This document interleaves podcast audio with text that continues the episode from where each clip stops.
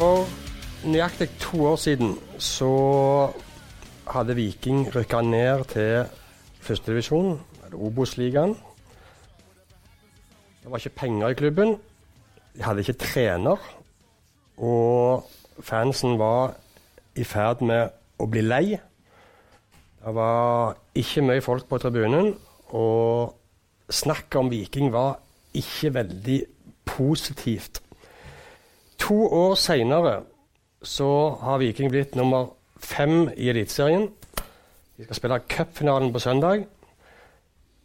Folk snakker godt gjennom Viking. Stadion i ferd med å fylles opp igjen. Vi har fått en banestorming på veien. Hvor Bjarne valgte å stå midt ute på banen sammen med folket og kikke opp på, på der som spillerne ble hylla.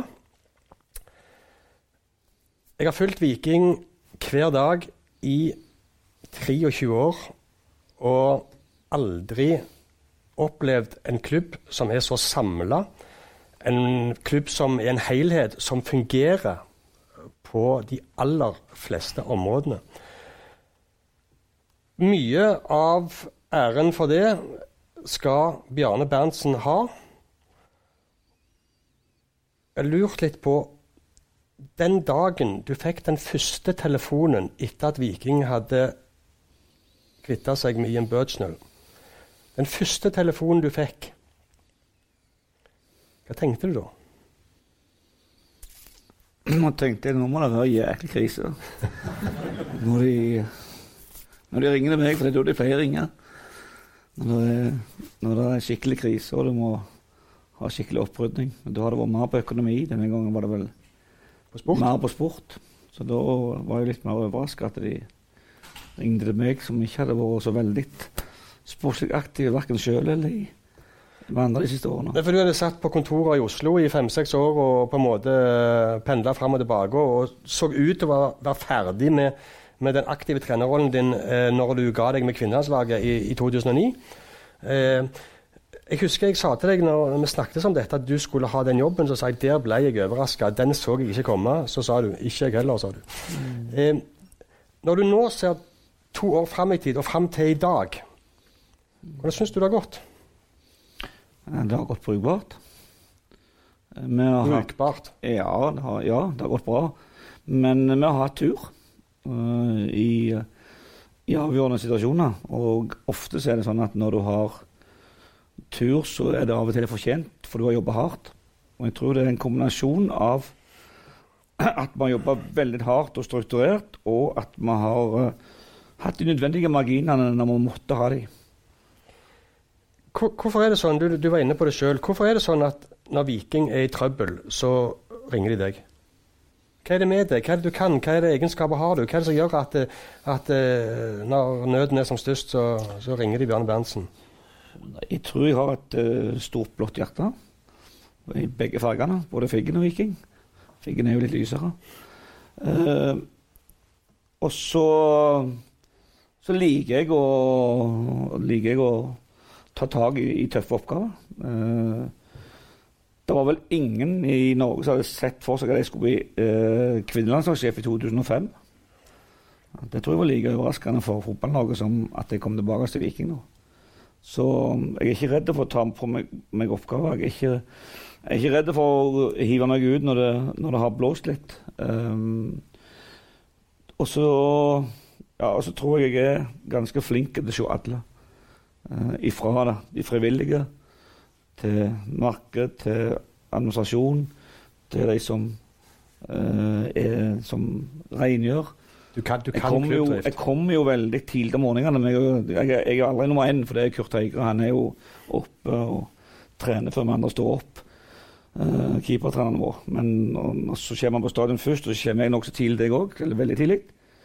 Og, og da det aller, aller viktigste første jeg gjør, det er å helse veldig fint og prate litt med de som, som er renholdere, som innleide. Fordi at uh, jeg tror det er helt avgjørende at deg som er den øverste lederen, ser alle, uansett hvilken rolle de har.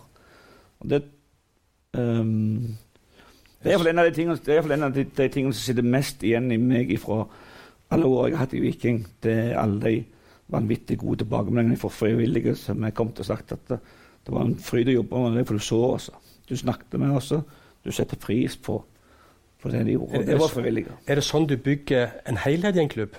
Men jeg, jeg kommer jo fra Figgen der alt er frivillig. Og jeg har jo hatt sammenhengende tillitsverv i Figgen over 40 år. Og jeg skulle jo slutte for lenge siden når, når sønnen min ble voksen og flytta til Østlandet for å, å, å være i militæret. Så det er jo tross alt um, ja, 15-16-17 år siden. Og jeg har fortsatt like mye for, for klubben der hjemme. Så det er jo egentlig galskap, men sånn er det. Du, eh, du har et veldig blått hjerte for Figgen òg, som jeg sa, og for Viking. Og da blir det sånn at du, du kommer ikke ut av de tjenestene som du gjør for dem. Du liker det litt òg? Ja, altså, jeg må jo ha noe å drive på med. Men, men det du snakker om Jeg har så korte arbeidsdager nå. Halvannen time trening. Ja, Em, klart det. Dette var jo, Det du snakker om nå, er jo noe av det som Jeg vet ikke om dere så på, på i går når, eh, på TV-sendingen når Bjarne fikk eh, Kniksens hederspris. Eh, og når de begynte å, å lese opp eh, og liksom skulle sirkle inn navnene Idet de sa at han andre befinner seg på Vestlandet, så gikk det opp for meg at det var du som skulle få han. Jeg snakket med deg før du dro til Oslo på, på trening, og du, du hadde ingen peiling på dette. Men de egenskapene som du nå nevner, de ble jo trukket fram i går når du fikk denne prisen. Eh, vi så jo alle hva det betydde for deg eh, når du dytta Ingrid Hjelmseth foran deg til å ta talen først, for du måtte hente deg inn. Du, du var prega der. Det var jeg. Så var det jo naturlig å dytte henne fram, for henne hadde jeg hatt i fem år på kvinnelandslaget, og hadde vraka henne som førstekeeper i fire år. Så, og var ansvarlig for henne. og jeg hadde, jeg hadde påført henne den største skuffelsen i livet når hun ikke kom med i troppen i 2008 til OL. Når etter at keeperlegenden Bente Nordby la opp i 2007, så var jo ingen sikre på at nå var det min tur til å overta. Så fant jeg ut at det var to keepere som jeg syntes var bedre. Og så ble hun tredje keeper og jeg ikke var med i troppen i OL. Den måten hun takla det på, kom tilbake altså, i 2009 og ble førstekeeper mitt siste år som, som landslagssjef, så var det helt naturlig at jeg måtte skyve henne foran meg i går. Men du var rørt der du sto. Du vet, Jeg blir rørt over ingenting. Jeg, jeg er sånn jeg er sånn som så, så griner for alt. Så det er ikke overraskende. Hadde du Hvis noen hadde sagt til deg for to år siden, når du satt på, på kontoret ditt i, eh, i Oslo med de to jobbene du hadde der i, i NFF og i, i norsk toppfotball, at du om to år skulle få Kniksens hederpris og ha leda Viking til opprykk fra førstedivisjon og en cupfinale Hvor mange tabletter har du tatt da? Ja, da har jeg tatt mange. øh, Men mm, altså Den karrieren jeg har gjort, og alle de vervene jeg har hatt, så må jeg jo si at det var for to år siden mer sannsynlig at jeg kunne være aktuelle som Kniksens hederspris, eller at jeg skulle være trener i Viking og, spille, og, og rykke opp og spille finale i løpet av to år. Det var mye fjernere for meg da. Jeg, jeg må jo si det at øh, en måned før jeg ble ansatt i, i, i, som trener i Viking, så hadde jeg aldri tenkt på at jeg skulle bli trener igjen. Hvorfor ikke? Var du ferdig med det? Ja, altså, jeg, jeg var ikke ferdig. Jeg, jeg, kunne godt, jeg kunne godt tenkt Nei, altså, det å være trener og være leder for prestasjonsgruppa, det er veldig kjekt. Men jeg var i en alder som gjorde at eh, jeg tenkte det var helt usannsynlig at jeg skulle ta en jobb der jeg aldri har fri. Uh, du har jo knapt noe helg fri fra januar til, til november. Du har åtte dager, maksimalt åtte-ni dager sommerferie. Du har ferie i desember men ingen andre ferie. Så, så det er jo et um, Det er jo en veldig utfordrende jobb familiemessig. Hvorfor sa du ja? Det er jo fordi at uh, uh, det var Viking. Uh, jeg hadde hatt mange samtaler med Erik Henningsen utover høsten da, fordi at uh, jeg, jeg hadde jo sittet i hans stol tre ganger i tre perioder, så jeg visste at nå er det, nå er det så jækla tøft for han at jeg, jeg prøvde å være en, en ja, litt moralsk støtte for han, gi han litt sånn oppbakking av og til når det stormer som verst. Så, så, så, og så ender det plutselig opp i at, uh, at det dreide om til om, om jeg kunne ha en eller annen sportslig rolle. I, og det kunne jeg tenkt meg, men, men det var langt ifra det å ha en sportslig rolle i Viking til å, til å bli hovedtrener. Hvis Viking hadde hatt de 70 millionene på bok som de hadde for ti år siden, tror de hadde ringt deg da? Mm, Ja, det kan godt være hvis hva resultat de hadde fått. Og, Og så vet de at du ikke hadde brukt av pengene. ja, jeg hadde jo brukt de sikkert, men jeg hadde prøvd å bruke de fornuftig. Og jeg, jeg syns det, det er veldig problematisk å bruke penger som ikke, ikke er mine egne, unødvendig. De som kjenner meg, sier jo at jeg er altfor raus med mine egne penger. Eh, Når vi er ute blant venner og kjente, så jeg aldri noe problem med å spandere langt over det som er min kvote. Men det er en helt, jeg har en helt annen holdning til det å bruke andre sine penger, spesielt innenfor fotballen. Jeg var jo i fire år i norsk topp, nei, seks år i Norsk topp var det og Når du ser på alt det som er kommet opp med pengebruk i norsk idrett, så sa selvfølgelig jeg til VG når det storma som verst at dere er hjertelig velkommen til å komme og se mine reiseregninger på i, i seks år. Men de kom jo aldri, for de visste jo at det var jo ingenting. På kystbussen, du. Ja, altså jeg har en sånn aversjon mot å ta taxi. Eh, sånn at eh, det skal det skal mye til. Da må jeg iallfall være sikker på at taxien er billigere. Så når vi reiste inn til Oslo eh, nå på idrettsgallaen, eller fotballgallaen, så var vi jo fire stykk. Og Da regnet jeg ut at når det var fastpris med fire stykk, så var det billigere buss. Så da kunne vi ta det. Men Det høres ut som det, Men, eh, den Bjarne Berntsen vi kjenner. Du vil ikke bli huska for pengebruken din i Viking, det er iallfall helt sikkert. Eh, Jeg, jeg snakket med Det var jo ikke så lenge siden eh, Viking trengte påfyll av penger igjen. De har jo, det har jo kommet med jevne mellomrom. Og jeg snakket med en av Jeg skal ikke si hvem det var, men det er en av de større investorene i klubben da, som har brukt veldig mye penger på Viking. Og når det var snakk om og dytta inn i en emisjon hvor de måtte ha inn jeg tror det var 7,5 som var taket den gangen, nei, det var bånden i emisjonen, så sa han at han kunne egentlig bare lagt lommeboka si på kontoret til Bjarne Berntsen, for han visste at han sannsynligvis ikke kom til å åpne den uansett. Og hvis han åpna den, så kom han iallfall ikke ta ut mer enn han absolutt trengte. Når du fikk den jobben i Viking for to år siden, så sa du den dagen du ble presentert, at dette er den tøffeste jobben jeg har påtatt meg. Har det vært det? Eh, nei, egentlig ikke. For det har jo, det har jo gått altfor godt i forhold til det det kunne ha gått. Uh, av ulike årsaker. Men, men, men hva avveininger gjorde du i forhold til For du har aldri vært i Viking mens de har vært i, på nivå to. Det var nytt for deg. Eh, ja. Eh, det var jo Det, det sto jo litt på spill for deg òg. Eh, I din femte epoke i klubben og, og 40 år etter du eh, spilte din første kamp for laget. Så det var jo en litt fall for deg òg der. ja, det var egentlig et veldig stort fall. Fordi at eh, alle tenkte sånn at det, det eneste godt nå for Viken, det er å gå rett opp igjen. Og det var ikke så mye å tyde på det i, etter at vi hadde klart det hederlige 3-0-tapet mot Bryne i første privatkampen. Så, så så det ikke ut som et oppbrukslag. Så, men sånn er det jo. Eh, det er tålmodig arbeid og langsiktighet som teller. Når du hadde takket ja til jobben, og så så du over spillertroppen altså I løpet av 2017-sesongen så var det jeg tror det var 14 spillere som forsvant i løpet av sesongen.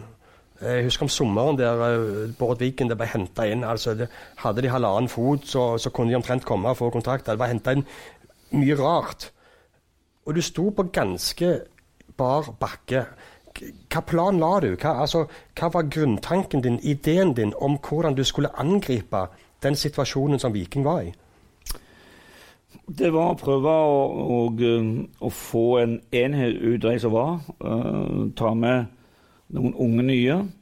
Uh, ikke noen problem at det var mange leiesoldater som forsvant, for de var jo ikke der av en annen årsak enn å, å hente penger. Og ikke så veldig opptatt av Viking holdt seg eller ikke. Jeg husker han ene spilleren unnskyld at jeg avbryter, han, han skrev kontrakt med Viking, sånn korttidskontrakt. og eh, Han trodde lønna var i euro og ikke kroner, så når han forsto at det var i kroner og ikke euro, så, så var han ikke så interessert i å være med videre. Unnskyld. Så nei, nei så, så, og så var det jo å starte arbeidet med å prøve å finne en tre-fire nye som du følte kunne være Eller som du måtte ha for å være slagkraftig, altså for å kunne eh, kjempe med de beste. For vi var jo Vi ble jo regna som en utfordrer, og ikke som en opprykksfavoritt eh, når vi starta sesongen. Men én ting er også Du hadde jo ikke penger. Tror, du brukte vel 50 000 Men, kroner? ja, men vi hadde jo mer penger enn mange av konkurrentene som ikke har noen ting. Så, Ja, Men av løse midler som du kunne bruke til spillerkjøp altså Viking hadde ikke noen sjanse til å prøve å kjøpe seg opp igjen en divisjon. Nei, nei, men det var derfor, derfor var det jo veldig greit at Slatko kom og var gratis. Du var glad den dagen han signerte. Ja, det hadde jeg jobba vanvittig lenge med uh, i det stille. Og snakket med han ja, mest ukentlig. Og sagt at dette her, du kommer aldri til å angre, dette må du gjøre. og Det er her du kan restarte karrieren og alt det der. Og, og til slutt så begynte han å, å bli frista av det. Men du må, du må liksom du må holde kontakten hele veien. Men det var han som kom og ville trene med oss øh, øh, først. da. Og så når jeg fikk den muligheten, så, så selvfølgelig så lå jeg jo på. Men det var jo ikke bare han, det kom jo andre gode spillere òg. Absolutt. Vi, vi husker jo dette, det har jo blitt en sånn uh, greie, dette her med den uh, utdaterte dinosauren. Eh, du stilte opp i denne drakten på, på, på prisutdelingen i fjor. Eh, tente deg litt at, at noen mente du ikke var helt uh, nymotens og oppdatert? eh, ja, til, jeg skrev det sjøl, at jeg stilte spørsmål med hvor, hvor oppdatert og, Ja. du var på fotballen. Uh, nei, det uh, Ja, nå skriver du mye dumt. Det må jeg jo innrømme. Det er sikkert en av de tingene. Måtte komme. Men uh, nei, altså um, eh, jeg, altså Ja, dinosaur, det er på en måte Det er ikke noe dumt uttrykk. Jeg er jo en, en, en form for dinosaur. Men ordet foran. Ja, det, var, det provoserte veldig. Uh, og det er klart Det, det sårer mye mer å bli kalt utdatert enn en dinosaur. Så det er jeg jo glad for at jeg, at jeg har mo- motbevist. Og det, jeg var egentlig veldig trygg på at jeg ikke var det.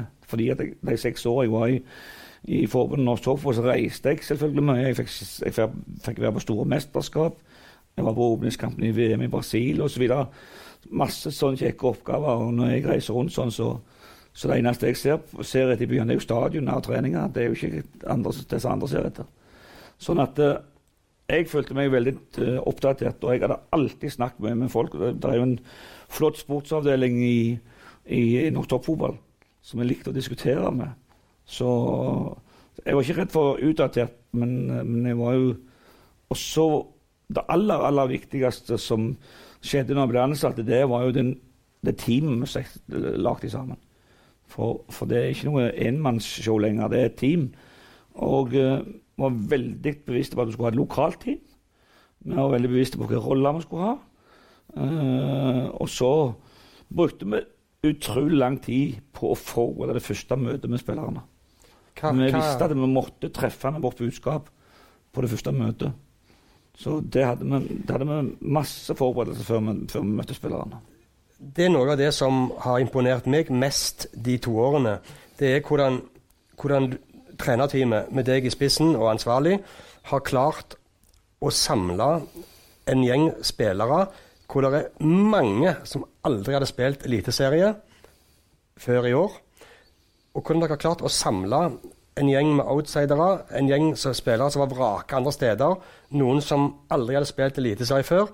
Noen som hadde vært gode, men var litt sånn i fri flyt mellom klubber, type Slatko Tripic. Altså Christian Thorstvedt, som kom her og spurte i januar 2017 om han, uh, unnskyld, 2018 om han bare kunne få trene litt før han skulle reise på Ja, han skole. torde ikke spørre, så det var faren som ringte. Ja, far eh, Erik Thorsen ringte om han, han kunne få trene før han reiste på skole i USA. For han var blitt, han var blitt vraka i Stabæk og hadde ikke spilt noe annet enn enn juniorfotball for Stabæk 2 nede ned gjennom divisjonene. Hvordan dere har klart å samle det til den enheten og det kollektivet. Eh, det er ikke noe sånn stormannsnykker. Det er ikke noen som kommer inn og skal ha nye sign-on-fee annenhver måned. Hva plan la dere på det møtet? Altså, hvordan har dere klart å samle dette til å bli den gjengen som drar i én retning? Det var først og fremst en klar ansvarsfordeling. Eh, dere må være klar over at det er ikke jeg som er hovedmannen i Viking når det gjelder treningsplanlegging. Eh, Hvem er det? Det er Bjarte Lund Åsheim. Det er han som er det var han som er hjernen bak uh, all treningsplanlegging. Eh, så har han selvfølgelig uh, nært samarbeid med Halvard Groba, som er fy, uh, fysiotrener, med Kurt, som er keepertrener, med Morten, som jobber mye med analyse. De tre sitter uh, veldig ofte og diskuterer i detalj hver eneste trening. Vi har en rammeplan for ei uke, Uh, og så sitter de og diskuterer. Men så har vi et morgenmøte hver morgen klokka åtte, der vi samles hele gjengen. Og Da presenterer de sitt forslag, og da er det, da er det min, da, da, har jeg full rett til å gå inn og justere hvis jeg føler det er nødvendig i, i forhold til, til innholdet. Men, men, jeg tror de føler at de har en veldig frihet til å jobbe med det som er deres fagfelt. Bjarte har all treningsplanlegging, Morten har alt analyse. Halvard alt det fysiske. Det er han som bestemmer om, treneren, om spilleren kan trene eller ikke. Hvis han sier at han er ikke resultert nok, det er en fare for at han kan få skade hvis han trener i dag, så kan ikke jeg gå prøve å si nei, han skal utpå uansett. Så du, du, må jo, du, må jo, stole på du må jo stole på det teamet du tar med deg. Uh, og, det, og, det, tror jeg uh, det er den eneste muligheten de òg får til å få de syns dette er kjekt, og, og de syns at de får, får med det. Du snakket litt om penger, men du skal ikke glemme at en vesentlig del av opprykket til Viking det skjedde jo i sommervinduet i 2018. Og da fikk vi bruke penger som andre konkurrenter ikke hadde uh, alene til bruke. Vi brukte jo penger på Jonny Furdal, vi brukte penger på Uldren Ibrahimay. Og det var jo to helt vesentlige årsaker til at vi rykket opp, de to investeringene der. Så på en måte som du fikk tro på produktet, når, når, du klarte å fylle stadion 16. mai, som var heldig for det var Sandnes Ulf, og du begynte å få resultatet, og du begynte å lukte på det oppe, så så jo resten av klubben òg at, at, skal vi klare det her, så må vi gjøre noen gode investeringer. Vi gjorde jo fem viktige signeringer i fjorårets sommervindu, som var isolert sett det viktigste vinduet for oss, både i forhold til opprykk og i forhold til det vi har gjort i Eliteserien i år. Men fakta, Bjarne, er at du ikke har brukt mer penger på to år enn det Viking brukte på en halv spiller for ti år siden. Det er helt sikkert riktig. Ja, ja. Men det var jo den tida da alt fløyt i norsk fotball. Det gjør det ikke lenger. Nei, det, det er sikkert og visst. Men, men, du har jo samtidig vært inne på dette med penger. Uh, I Marbella uh, for uh, åtte-ni måneder siden så sa du at Viking står med et veiskille eh, i forhold til hva de skal være i framtida. Det er noe jeg har lurt litt på. fordi når dere har med små midler i forhold til hva Viking har hatt før, da, gjort den suksessen med lokale spillere, en stor grad av lokal stamme i laget, og med lite penger, så, så er det sånn skal Viking fortsette det sporet, eller skal de utfordre med å hente inn mer profilerte, etablerte spillere for å ta ytterligere steg? Eller skal de bruke mer tid på den veien de nå har valgt? Hva, hva er tankene rundt det? For forventningene ute skrus jo opp. Vi må, vi må gjøre begge deler. Uh, det er ingen tvil om hva som skal være grunnen Altså, først og fremst skal vi rekruttere og utvikle det sjøl og hente det lokalt, men vi er nødt til å spe på med noen. og Det er jo ingen, det er jo ingen hemmelighet at det er noen profilerte spillere som har med lokalt tilknytning som spiller andre plasser som vi godt kan tenke oss neste år. og da kan det godt, altså vi ser jo òg at etter hvert som en presterer, så vil selvfølgelig lønnsnivået øke som det er i alle, alle prestasjonsbedrifter der som, som prestasjon betyr mye. Men, men vi er jo så langt, langt ifra Brann, Molde, Rosenborg og Vålerenga som det går an å komme i forhold til snittlønninger. Men det, der det, det, betyr, det, betyr, ikke at vi ikke har noen unntak som, som, du må ha for at de skal være interessert i å være i klubben. Men det var vel eh, Du nevnte Brann der. Eh, jeg så jo Brann Viking eh, nå på, på, søndag. Og der, For meg så er det litt sånn som Brann var der, og sånn som de framsto, som ligna på et mytteri eh, for meg. Altså, det virka som en gjeng som, som ga blaffen. Altså, Brann for meg framsto som det stikk motsatte av det du har skapt i Viking med ditt trenerteam. For det er jo noen fallhøyder, dette med altså, Hvor mye skal du kødde med det som funker, og det som har blitt den enheten og lojaliteten og den moralen og arbeidet som blir lagt ned nå blant spillerne i Viking, du skjønner hvor jeg vil hen. Altså, Hvor mye skal du kødde med det for å, å plutselig få noen primadonnaer som skaper litt ukultur, og, og, så blir det mer å hanskes med? Nei, men det er ikke interessant å ha en primadonna. De som eventuelt kommer inn som er mer profilerte, de må jobbe like hardt som de andre. Likevel så er det ikke interessant. Eh, så vi skal få inn spillere som vi skal få inn spillere som virkelig vil legge ned vanvittig arbeid hele veien. Og vi vet jo at vi, vi snakker jo sammen med andre klubber. Vi vet jo nå at vi er blant de klubbene som trener aller mest og tøffest. Og har en annen struktur eh, på ukene enn de andre konkurrentene. Uh, og uh, så, så, så om, om, vi får noen som er mer profilerte, så vil de så ikke være snakk om at de skal jobbe mindre for det. Nei, men er, er det en situasjon som du er obs på, å beholde det som dere har nå i gruppa, den moralen og, og lojaliteten? Vi skal være et arbeidslag som, som, som uh, springer kolossalt mye. Og spillerne blir målt på hver eneste trening og hver eneste kamp. Hvor mange sprinter har de, hvor langt løper de? Og, og får selvfølgelig tilbakemeldinger på hvis det er en trening der de er altfor dårlige. Uh, så, så, sitter vi jo med, med, med tallene. Så du òg kom ut fra garderoben her med kondomdress og sykkelbriller og tightsbukser og Du kan ikke kalle kondomdress han, når han, ja, han, han buler ut i alle, alle bauger og kanter. Men jeg er sånn en som gjør et, et norsk jeg begynner, så gjør jeg skippertak, og så sykler jeg fire dager, og så går det fire måneder neste gang igjen. Så. Og så har du flytta fra Figgjo til Sandnes og litt kortere vei? Ja, nå er det veldig greit å sykle, for nå er det så kort. Det er mest sånn at jeg ikke blir svett engang. Men med, det, med den uh, mannskapet du dis disponerer i dag, uh, og de midlene som Viking har uh, Dere fikk en 10,5 million, 10,5 million i emisjonen. Um, og du, og, du, har penger som du kan bruke. Um, er det fristende å bruke mye penger på to spillere? Selvfølgelig. Hvis vi føler de rette spillerne til å heve laget enda mer, så er det klart det er fristende.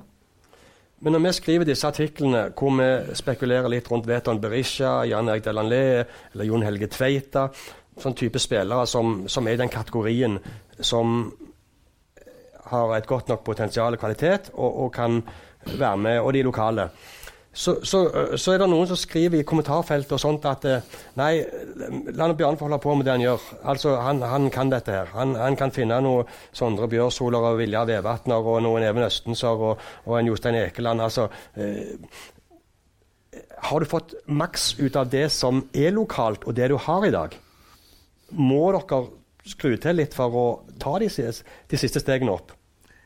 Jeg tror ikke vi får en sesong der, der, der alt flyter sånn som det har gjort i år. Uh, så skal vi ikke glemme at det er mange av de som er med og vipper kampene i vår favør. Det er det er ikke bare de som har funnet på, på, på den laveste hylla. Men, men, det, er jo veldig, det er jo veldig kjekt å hente hjem igjen spillere som er lokalt herrene, som har vært andre plasser, når de presterer så stabilt godt som de gjør. Uh, det, det, er klart. og det vil jo være rart hvis Aftenbladet som, som lokalavis ikke skriver om at uh, hva tenker Viking om Beton, Janni, Jon Helge osv. Arild Østbø har vi allerede henta. Eh, kan bli andre. Men, men, det viktigste for meg hvis jeg skal hente spillere, det er jeg må se spillerne i øynene og vite at de har den der jæklige gløden for det dette de vil. De vil jobbe knallhardt hver dag. De vil være med å lufte treningsmengden enda mer. De vil utfordre seg sjøl mer. Det er det viktigste. Hvis ikke, den, hvis jeg ikke ser den gløden i dem, så, så, så får vi si at da tror jeg det beste dere er andreplass. Hvor mye får du med deg av hva folk mener om Viking? Jeg får sikkert med meg mye mindre enn andre, for jeg er ikke på sosiale medier. Uh, jeg er på, eneste jeg er på, på Snapchat, og der er jeg uh, kun familien. Barnebarn? For jeg har barnebarn i, i, USA for øyeblikket. Sønnen vår går på et militæruniversitet der i to år. Så, så det, det, det, må jeg ha for å være oppdatert med, når du nesten aldri ser dem. Men likevel ser jeg ikke på noen sosiale medier, og det, det kan jeg ikke være. når jeg av og til innom noen kommentarfelt eller, andre refererer til hva de har skrevet, og sånn, så tror jeg det er veldig fornuftig ikke være. Hører du på podkaster og sånt? Nei, jeg vet faktisk ikke det. Eh, så, men jeg får jo med meg hva andre sier. Du vet hva en podkast er? Nei, det er noe, det, det må du på med nå? Det er noe du hører på. Ja? ja. Og så er det noen, er det en så, disse to programmene der som gjør seg morsomme. Det har jeg hørt. Flygen og Nilsen litt. ja, men det Da, har jeg- så jeg- da virker det som du har det kjekt. ja, det, du har jo vært med et par ganger, da. Ja, ja. Du har jo kost deg, du òg. Ja, det var jo utrolig vel at de ikke så, hørte forskjell på hekksaks og, og, så, og sag som feller tre. Når jeg er fra Hedmark, Det var- det var når jeg- når jeg er fra Hedmarken i tillegg ikke har forskjell på det, da kan jeg ikke ha felt mye tre. Ifølge han sjøl så hadde han eh, trevler i hendene for å ha felt trær hele livet sitt. Men du em, En ting som Men jeg får med meg det meste, for jeg får jo rapporter fra min, det yngre teamet mitt som På er på, på, på, på sosiale medier. Ja, OK. Ja, men det er bra. Det er Så, så får jeg jo SMS-er når spilleren uh, er ute på netten der de ikke skal være. Ja. Så de finner meg jo de som vil rapportere inn at spilleren ikke oppfører seg. Å ja, du får det også? òg? ja, ja. ja. Jeg våkna halv to en natt og Du kan bare det plinga på telefonen, og den sa at det er en spiller som ikke oppfører seg. Ja. Ja, så da måtte, jeg, da måtte jeg snakke med spilleren dagen etterpå. Bare send de videre til oss, du, Bjørn. Ikke stress med sånt. Var det du som sendte den? Nei, bare tull. Nei. Det det. Det, er en ting som jeg har lurt på, eh, som jeg aldri tror jeg har spurt deg om.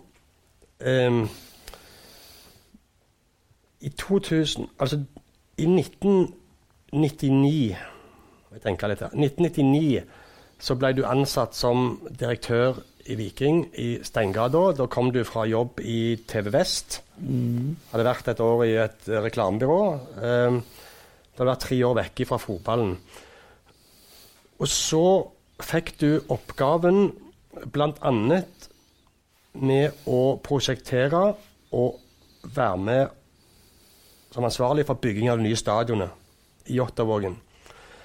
Eh, det ble oppretta selskap, det ble skutt penger, og du gjorde en vanvittig jobb med hele byggingen av Ja, det var først av Ole Rugland. Jeg, Ja, jeg var en men du var daglig leder i den perioden. Jeg var en god bisitter til men han var drivkraften. Ja.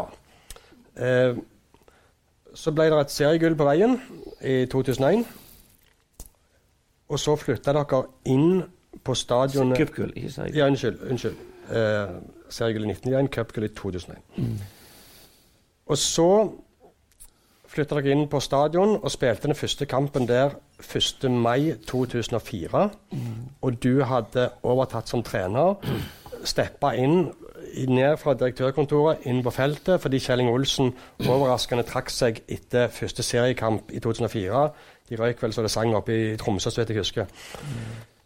Du tok jobben på strak arm, sprang ut på banen og lekte fygeren når Mats Tim skåra det første målet. Og så ansatte dere Roy Hodgson. Så kom han og overtok om sommeren.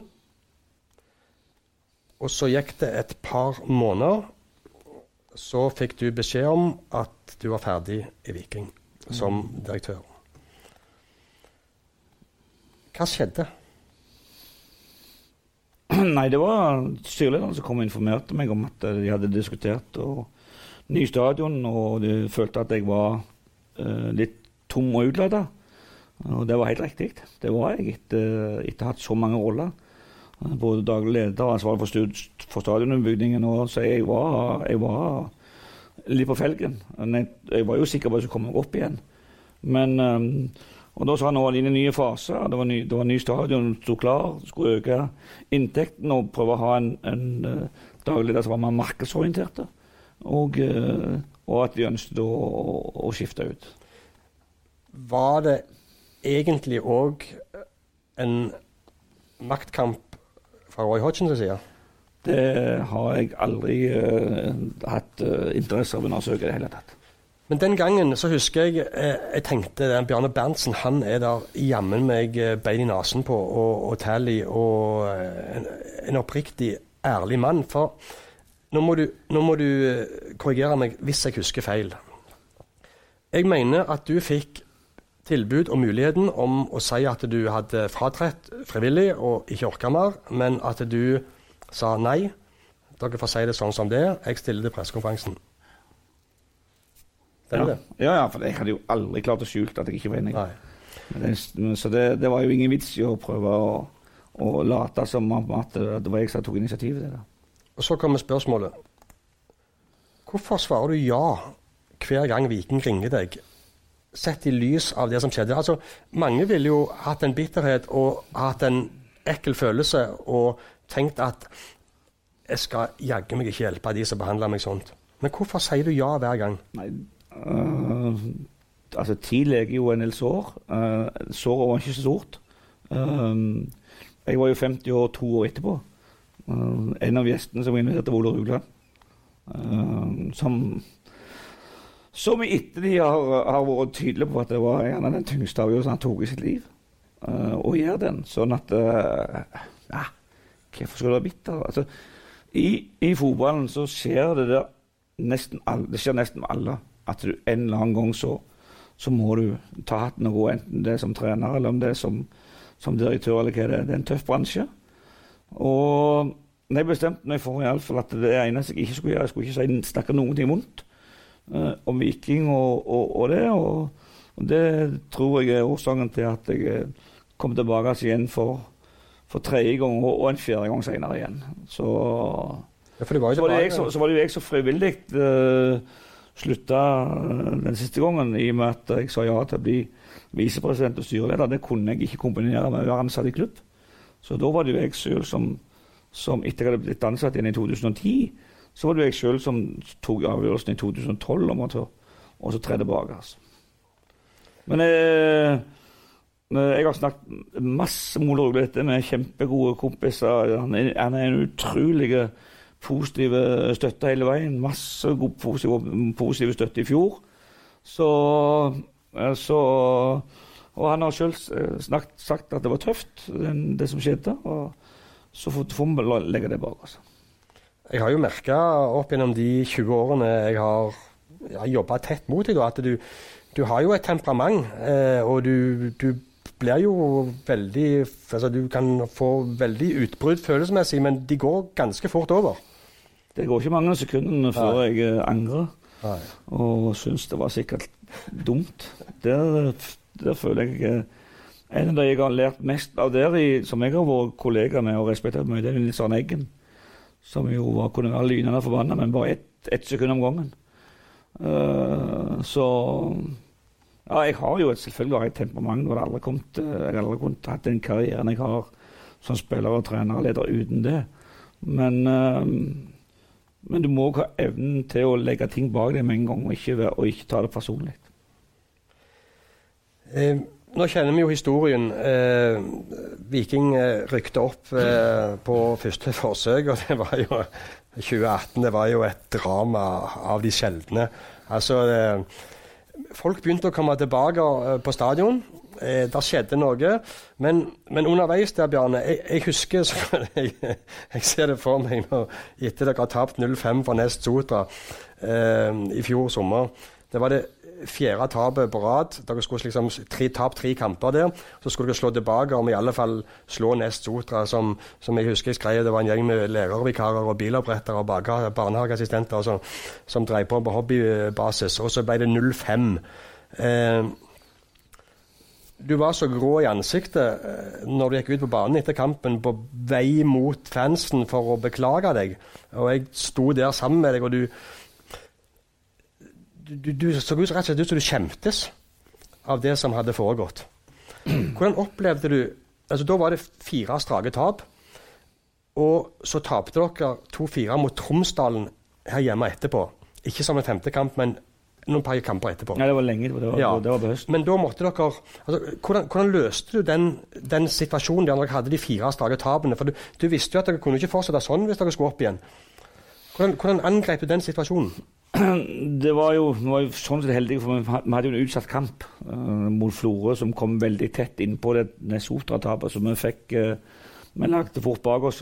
Vi hadde jo en, vi hadde jo en fantastisk hjemreise fra Nesotra-kampen. For uh, vår lagleder Oppmann Stian Reffik han er jo veldig flink, men uh, han hadde jo lest på ferjerutene feil dag. Han hadde jo lest, han hadde ikke var nok til søndag, men han hadde lest nok til lørdag. og da Natt til lørdag så går det jo ferje hele veien. Natt til søndag så er det ikke akkurat det samme.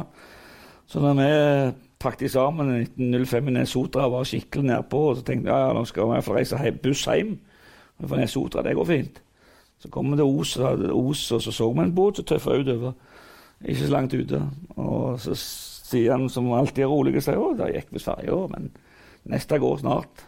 sa han. Ja vel, sa vi. Altså, så så gikk ruta, da. Så det var to og en halv time til neste ferje. Og da følte vi liksom ok, det var straffen for 05. Det var at alt gikk i dass etterpå.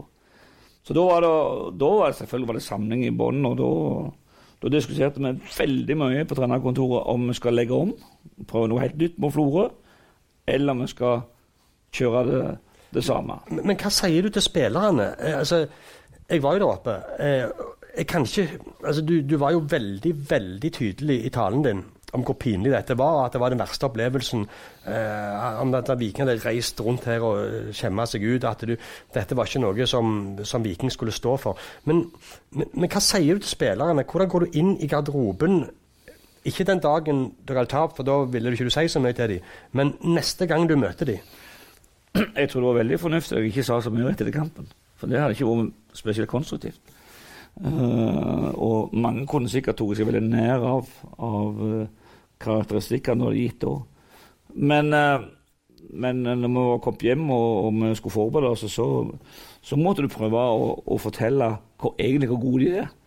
Når de bare jobber sammen, og når vi er et lag. Ikke når vi prøver på ting som ikke er gode til. Så du må hele veien prøve å dyrke fram de sterke sidene hvis du står sammen. Um, når, det, var den, det, var den, første store nedturen. Den andre store nedturen var selvfølgelig at når vi tapte 3-0 i Sandnes. Uh, for når det er lokaloppgjør, så er jo mange av supporterne ekstra fyrt opp av ulike årsaker. Da gikk dere bort og snakket med etterpå? Ja, Da var det ikke mye fornuftig å få ut. for det, for det var det sånn en aggresjon på de første ja. så Hva de gikk på, de som sto først, det er jeg ikke sikker på, men de var iallfall vanvittig forbanna. Og det, det er jo ofte sånn at så for supporterne så er det mye mye verre å tape 3-0 i lokaløyet for Sandnes enn å tape for Ålesund eller Sogndal hva er det. For, for, for, for supporterne så, så, så, er å tape for Bryne i cupen og Sandnes i serien helt pyton. Og vi gjorde jo begge deler eh, i fjor. Og så hadde vi en god periode, og så trodde vi liksom at ja, Så kom vi jo opp og fighte om, om, om de øverste plassene. Helt til vi leda 2-0 hjemme mot Tromsdal og tapte 4-2. Ble rundspilt. Leda 2-0 til pause, så vidt jeg husker. Ja, 2-1 ble det. For Det, det var et frispark som gikk inn rett før pause. Men det var jo egentlig veldig ufortjent.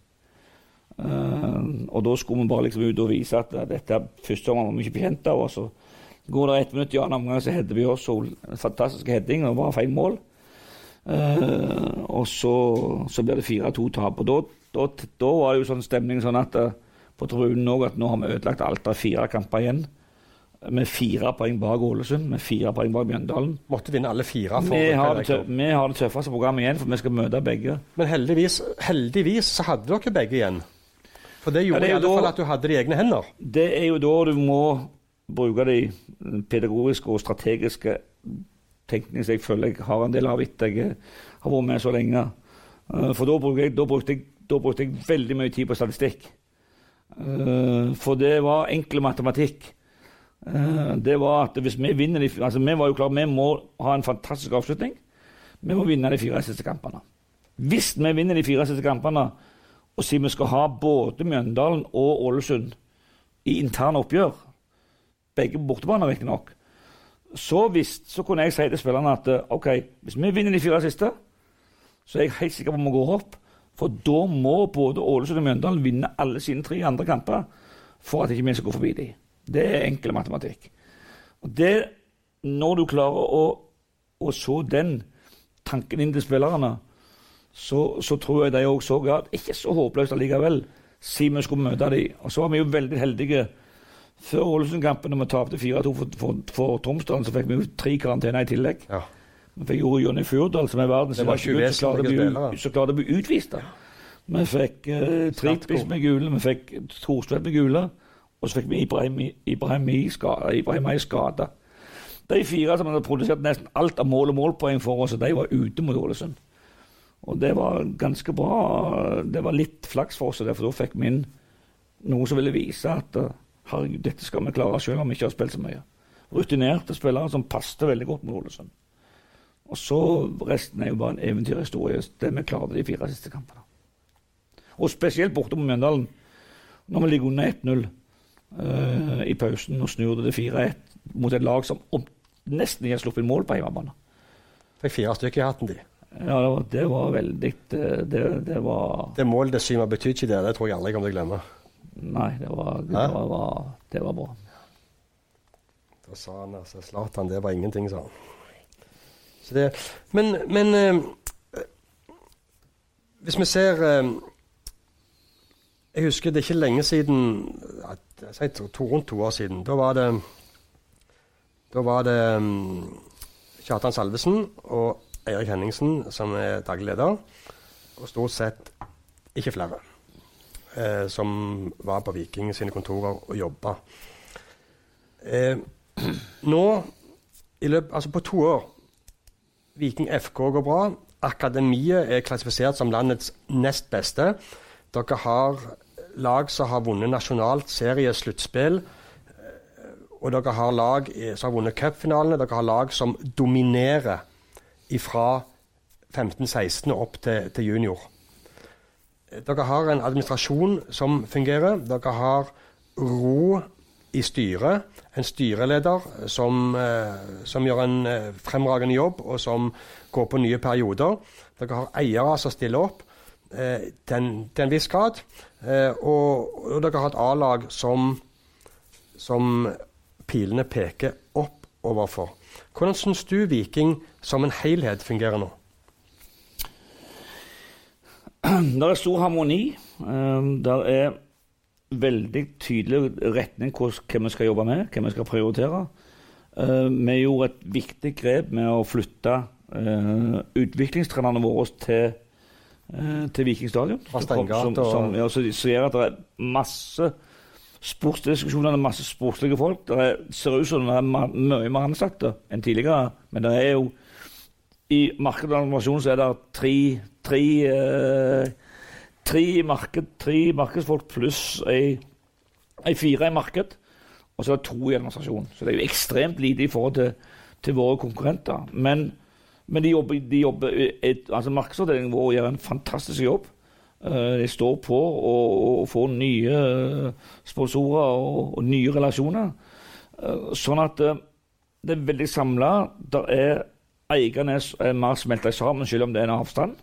Eh, jeg gjorde et par grep i fjor der jeg to ganger i fjor inviterte alle som jobber med sport i Viking på, på elitenivå, til felles samlinger. Og kombinerte det med å se, en kamper, se noen kamper fra England eller Champions League sosialt.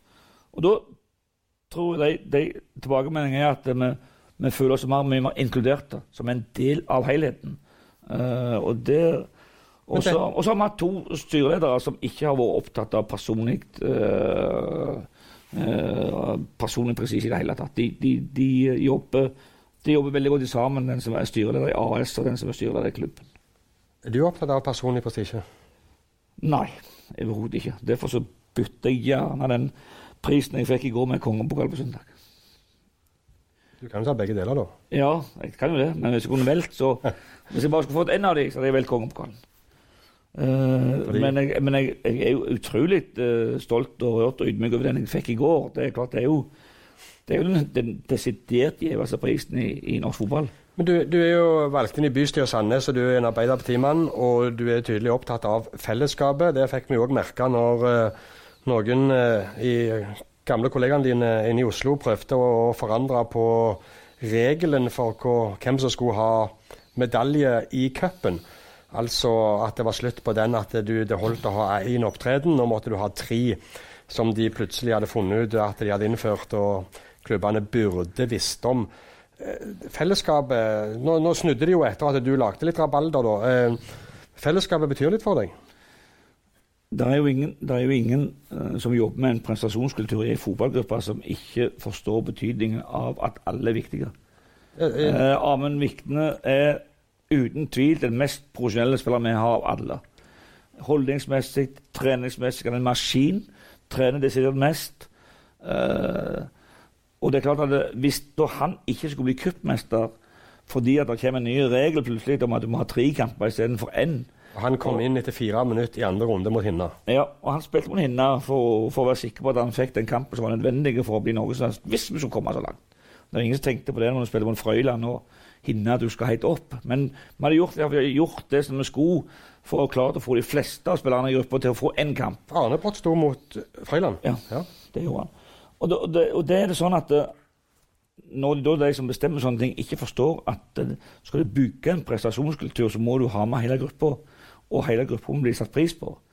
Uh, det er klart at De som ikke har spilt mye hos oss i år, de har jo jobba like hardt og de har vært like viktige som andre for å få fram de prestasjonene vi, vi har. Det er jo en lagidrett.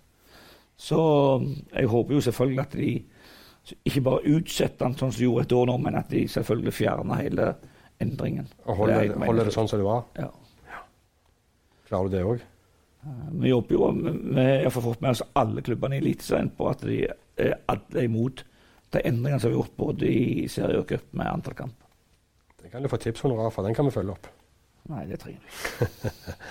Hvordan ser du for deg veien videre for Viking nå? Det er jo altså, det som vi har snakket om i noen av de andre podkastene, altså at, at Viking kommer til en cupfinale, og at Viking blir nummer fem i Eliteserien. Historisk sett så er, jo, så er det jo ikke noe sånt å, å lage eh, noe kjempestor ståhei av.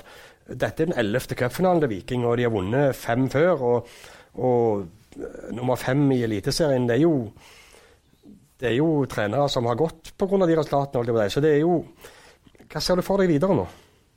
Ja, jeg, jeg, jeg var jo trener i Ja, 93-95. De fikk tredje, fjerde, femte, femteplass og fikk ny kontrakt, så det, ja. det var tøffe krav da. Du overtok eh, midtveis i 92 fra Arne Larsen Økland, som ga deg prisen i går. Ja, ja, ja. Og så overtok dere Dere har gått litt fram og tilbake, dere. Vi er kjempegode venner. Vi har vært både i 50-årsdag til hverandre. Og, så det, nei, det er sånn, sånn er det. Men hvordan ser du veien videre for Viking? Eh, veien videre blir at vi, det får, vi får et uh, jæklig tøft neste år, fordi at uh, all erfaring viser at det andre året etter et opprykk er minst like tøft som det første. Lagene vil være oppmerksomme på seg, lagene vil være enda mer forberedt. Men ser du på Viking som, som et nyopprykka lag på den måten som det høres ut som? Ja. Gjør du det? Ja. Ikke, var ikke 2017 bare et feilskjær hvor alt er gale, og at nå er Viking tilbake til normalen? Nei, egentlig ikke. For det er ikke noe selvfølge at du skal rykke opp igjen. Nei, men nå når dere er oppe igjen du snak, for det, jeg, jeg mener, Hadde dette vært eh, eh, type eh, lag som eh, ja, Si Sogndal, da, eller si Nest Sotra eller Jerv, sånne lag som ikke skal være oppe, de vil, føler jeg blir omtalt som et nyopprykka lag, som om det er så tøft. Men Viking skal jo være Eliteserien. Altså, de skal jo være topp fire-fem hele veien. Nei, hvis du ser på, på, på, på budsjettene, som er veldig relevant i forhold til internasjonal fotball Det er veldig, det er veldig uh, sammenheng mellom de som har mest penger, de som får mest resultater. Så skal ikke Viking være i nærheten av å være topp fem uh, i Norge. Uh, for så, sånne ressurser har vi ikke per dags dato. Vi kan konkurrere med, med de aller fleste lagene, unntatt de fem-seks største i økonomi. Så det er ingen grunn til at vi ikke skal etablere oss eh, på øvre halvdel. Uh, og så vil det jo selvfølgelig avhenge av hvor god jobb vi gjør hvert år, om, når, om vi klarer å etablere oss på øvre halvdel, om du kommer på øvre del av øvre halvdel, eller du kommer nedre del av Og det er jo lag som vi skal konkurrere med neste år, som kom, vil komme steinhardt tilbake igjen. Både Brann og, og Rosenborg, med de ressursene de har, de vil selvfølgelig eh, komme sterkt tilbake. altså.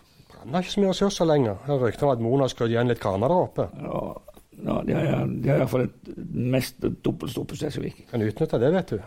Så ja. spiller der. Godt med tips. Merker, merker du, hvordan merker du i hverdagen den oppturen som Viking er på nå? Altså, Er det sånn, eh, er det kona som handler, eller stopper folk i butikken eller på gata, eller hvordan merker du det?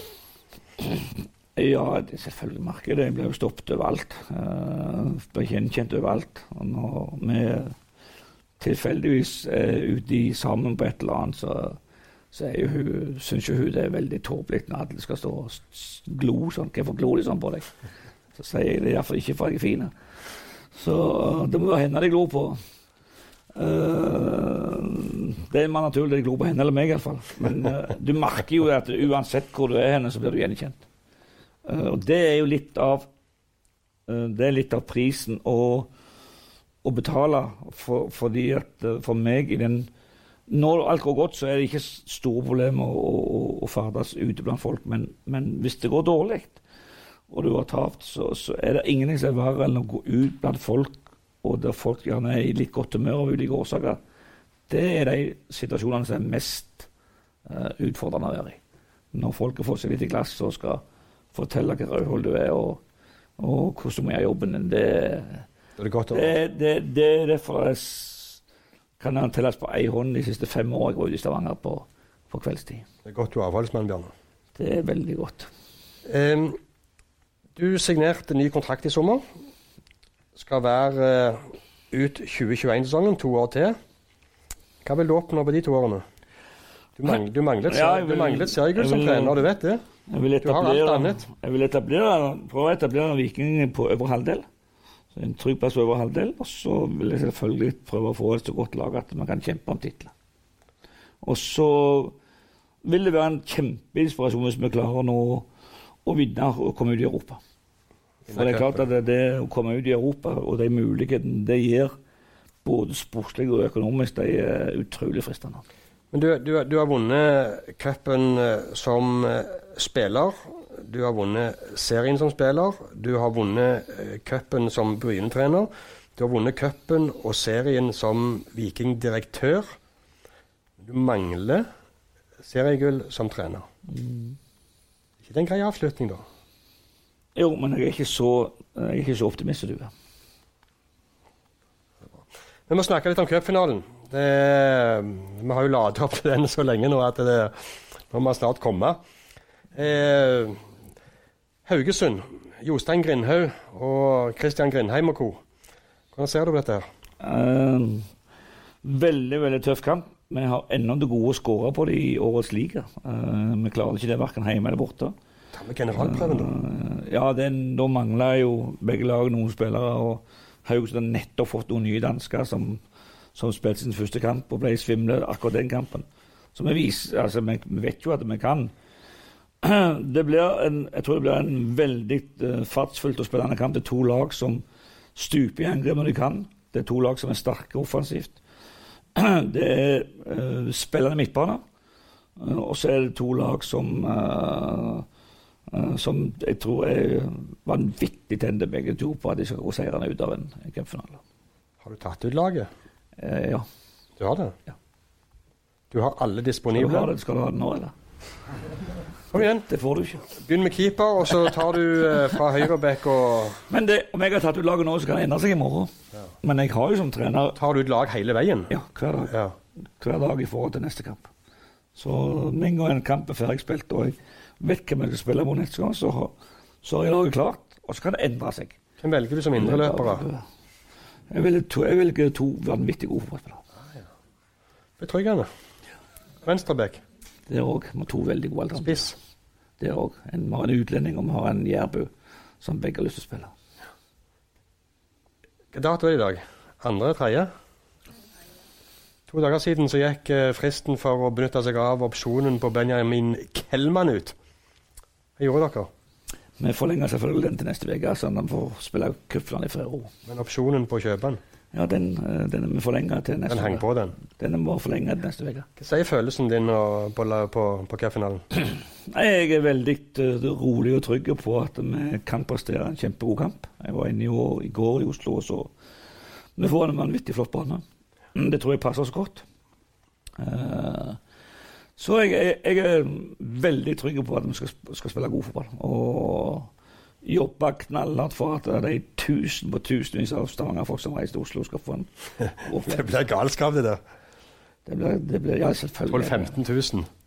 Hva ville det betydd for deg å stått på torget her søndag kveld med kongepokalen, og, og hele byen eh, tar seg en liten god dag på mandag? Da skal jeg skyve fram de som fortjener det beste, og så skal jeg holde meg i bakgrunnen. God avslutning. Vi kan eh, høre om det er noen spørsmål fra salen.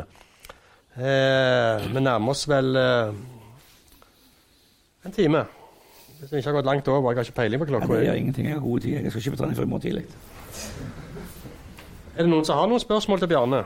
Så det har vi ett, ja. Så kan jeg gjenta deg, siden det ikke er noe mikrofon her. Eh, Troppa de fram mot cupfinalen på, på søndag, er den skadefri? Det er altså spørsmål om eh, Bjarne har en eh, helt skadefri tropp og, som han disponerer fram til cupfinalen på søndag. Ja, per dags dato så er det kun Adrian Pereira det er et lite spørsmålstegn med, men alt eh, virker til å være i stor framgang med han òg. Han trener etter planen på torsdag. Ja. Et nytt spørsmål, ja. Eh, Hvor lenge hadde du sett på Jonny Fjordal før du signerte han? fra det dommer? Spørsmål om eh, hvor lenge de hadde sett Jonny Furdal eh, før de signerte han i fjor sommer. To-tre år, men, men ikke, ikke veldig nøye før det året vi var i samme divisjon med de og spilte mot dem. Men vi, vi kjente jo til han lenger. Eh, Det andre som jeg har, har, har sett mye lenger jeg, Et eksempel er jo Uldren Ibrahim Ei, som jeg så Arendal mot Mjøndalen når Arendal eh, åpna sin stadion. Da var jeg invitert som gjest, for jeg var styreleder i norsk toppfotball. Eh, og da la jeg merke til det. Det jeg gjør da, det er at jeg skriver ned navnet, og så har jeg den på blokk, og sier at hvis han fortsetter utviklingen, så må jeg følge med han. Jeg husker jeg var i, jeg jeg var i Trondheim, og så når Rosenborg var 100 år, eller jeg tror det var 100, ja, da var jeg òg som representant for norsk toppfotball. Og så ble jeg igjen en dag etterpå for å se Ranheim Start i Obos-ligaen. Og da, Det var første gangen jeg så uh, Løkberg live. Og Da ringte jeg til ledelsen i Viking og sa det er to spillere fra Ranheim dere må følge tett med. Det er Kristoffer Løkberg og, og Torgel Gjertsen. Så hørte jeg ikke noe mer. Eh, var ikke, jeg var jo ikke i klubben da. Så, men nå har vi fått tak i han. Og han andre har gjort en kjempebra sesong i Kristiansund. Så det er jo sånn du prøver å jobbe. at Når du ser noe som er spennende, så legger du bak og så følger du opp. Men, men akkurat med Jonny Fjordal så var det mye mer Morten Jensen som presste på, og var den som var drivkraften hos oss i forhold til for han, for han hadde sett han. Eh, Spilt mot, mye mot Vid med Vidar. ja. Så han visste jo hva, Og han var jo på vei til Brann eh, et halvt år før han kom til Viking. Så ble han skada på, på, på trening med Brann, og så fikk ikke Brann solgt Fredrik Haugen, som de var helt sikre på skulle selge. Og dermed så falt uh, Av de to årsakene så falt det vekk at han gikk til Brann. Så det er jo vi veldig glade for. Han ble skada på treningsleir i Gran Canaria i januar det året, uh, og fikk ikke den sjansen i, i Bergen som mange bergensere mente han burde få. Men det er tilfeldigheter og marginer, dette. her, Det er det. Som spiller inn. Jeg husker vi hadde deg eh, nede som foredragsholder på et seminar hvor vi hadde alle, mange av landets eh, sportsledere i aviser til stede. Og da fikk du spørsmål om Hvis du får velge én spiller i hele landet, hente han til Viking, hvem tar du? Så, uten å blunke så svarte du Kristoffer Løkberg. Jeg tror ikke det var mange som så det komme, det svaret. Nei. Til og med ikke det fra Adresseavisen. Nei. Hva sa du nå, Bjørne? Men det er bra. Er det andre som har noen spørsmål? Ett bak her, ja. Eh, Hadde du kjennskap til Christian Thorstvedt, eller var det faren Erik som solgte han inn? Og Spørsmålet om han hadde kjennskap til Christian Thorstvedt, eller om det var faren Erik som solgte han inn. Eh, Erik var, solgte han ikke inn. Eh, vi, hadde jo, vi visste jo hvem han var. Men Erik spurte om han kunne få lov å trene med oss. Eh, fordi han, han hadde en liten drøm ennå om å få til en fotballkarriere i Norge istedenfor å flytte til for Han hadde jo kommet inn på et veldig bra college-universitet som fotballspiller i USA. Så sier vi ja, selvfølgelig kan han trene. Kan han få lov å komme og trene med oss et par dager når vi begynte. Så kom han, og så så jeg at han var helt annerledes enn de andre midtbanespillerne vi hadde. For han var alltid så ville han framover uh, i valgene sine. Og når vi var trent med oss to dager og reiste hjem igjen, så diskuterte vi i trenerteamet og sa at han er vi nødt for å invitere igjen neste uke.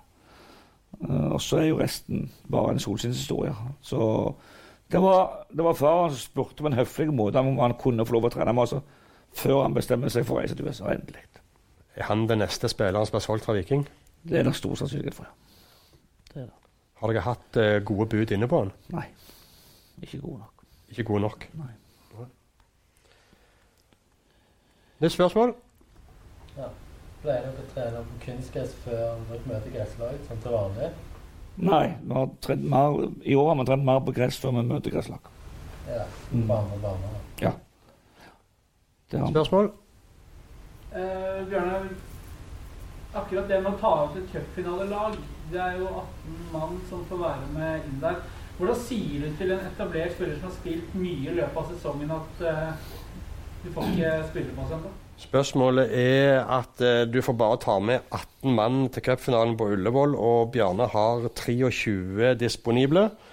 Hva sier du til en etablert spiller som har bidratt mye under sesongen, på at du ikke får lov å være med? Heldigvis får alle være med. Uh, alle 25 skal være med til Oslo og skal være en del av gjengen. Men det er bare 18 som får være enten på banen eller på benken. Uh, de andre må, må være på, på tribunen. Da, det sier jeg på en, prøver å si på en fin måte at, eh, at jeg vet det er tøft. eh, Jeg vet det er en stor skuffelse. Men uh, min vurdering er at det er andre spillere som uh, vi har mer nytte for enn deg i, i en finale. Så det, du må bare være ærlig og si at uh, du vurderer andre som bedre. Brutalt og ærlig. Men tar du det til side, er det annerledes fordi det er en cupfinale enn om det er å møte Det er litt avhengig av hvor nærme de har vært hoppen i det siste ikke. Om det er en overraskelse for dem. Ja. Om de vet at det blir et slag i ansiktet for dem. Ja, det vil, I forhold til forventningene. Det vil det selvfølgelig bli for noe. Jo, men det er jo noen som vet at de eh, sannsynligvis havner som nummer 19, 20 eller 21 eller 22. Det kan godt være. Ja. Er det flere? Nytt spørsmål, ja. Har spillerne alkoholforbud i sesong? Har spilleren i Viking alkoholforbud i sesongen?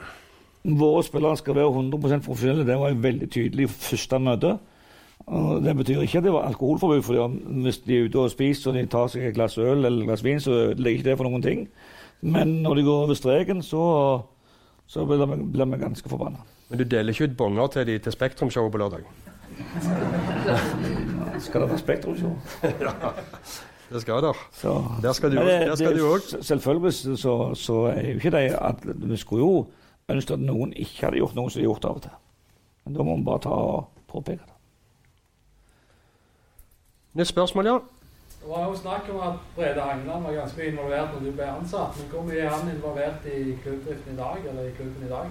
Spørsmål om eh, en påpekning av at Brede Hangeland eh, var en av de to sammen med Erik Henningsen som hadde ansvaret for å kartlegge nye trenere til Viking og komme opp med Bjarne Berntsen. Og spørsmålet er hvor mye eh, Hva er Brede Hangelands engasjement i Viking i dag? Mm, Det er veldig begrensa, for han har jo en tøff jobb og reiser mye. Eh, vi har han på lunsj av og til uh, i trenerteamet.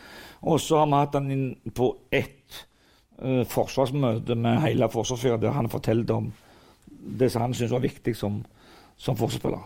Eh, likevel så er det stort sett Morten, som er en god kamerat av han, som, som er den som har mest dialog med han. Ikke veldig involvert, altså. Nei. Nytt spørsmål, ja.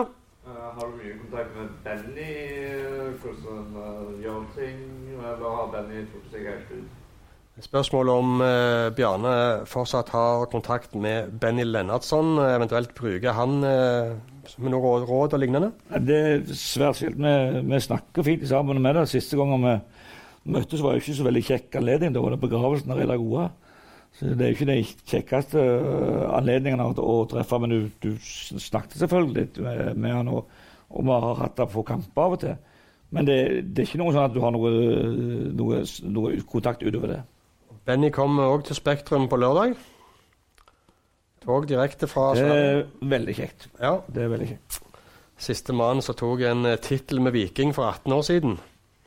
Lenge siden, Bjarne. På tide igjen nå. Ja, men det- er vi enige i. Men Går det greit? Går det bra? Vinner de? jeg håper jo det. Men jeg kan ikke love noe. Men jeg kan love at vi skal springe mer enn vi noen gang har gjort, hvis det er nødvendig. Da var det igjennom det. Det er bra med klokka. Ja, ja. Det er bra. Litt overtid. Tålte vi. Du får betalt for overtid, det har ikke jeg. Nei, det er sant, det. Det er sant, det. Nei, men Bjørne eh, jeg, eh, Det er jo ofte sånn at når vi skriver ting, eh, så så får vi jo ofte spørsmål om hvor snapper dere opp, hvor, hvordan får dere ut altså Hvor finner dere ut ting sånn og sånn? at Vi, vi får ofte spørsmål om det, da. Så nå tenkte jeg at jeg skulle se om, eh, om eh, mine kunnskaper på å finne litt ut eh, og grave litt. Litt gravende journalistikk. Eh, om jeg har det, har det ennå. Hva er favorittmiddagen din? Det Eller ingen her som gjetter, iallfall. Hva er det? Det er fiskeboller i hvit saus. Fiskeboller i hvit saus. Ja.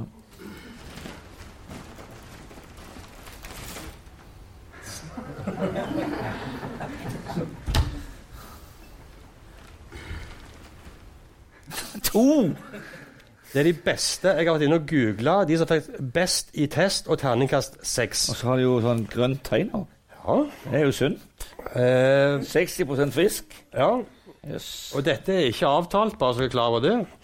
Og hvis du skal kose deg etter middagen med noe søtt, hva vil du aller helst da, ha da? Eh, det spørs hva søtt du mener. Nei, type en sjokolade eller noe til Ja. Ikke kake. Nei, ikke kake. Sjokolade, da er det jo Det er, det er to valg. Så det blir som regel troika, for den er mye billigere enn monolitt. Men monolitt og troika er like gode. Da er det godt at jeg ikke var like kjip som deg. To monolitter.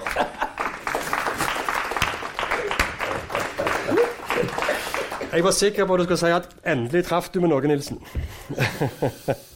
Det var ikke verst.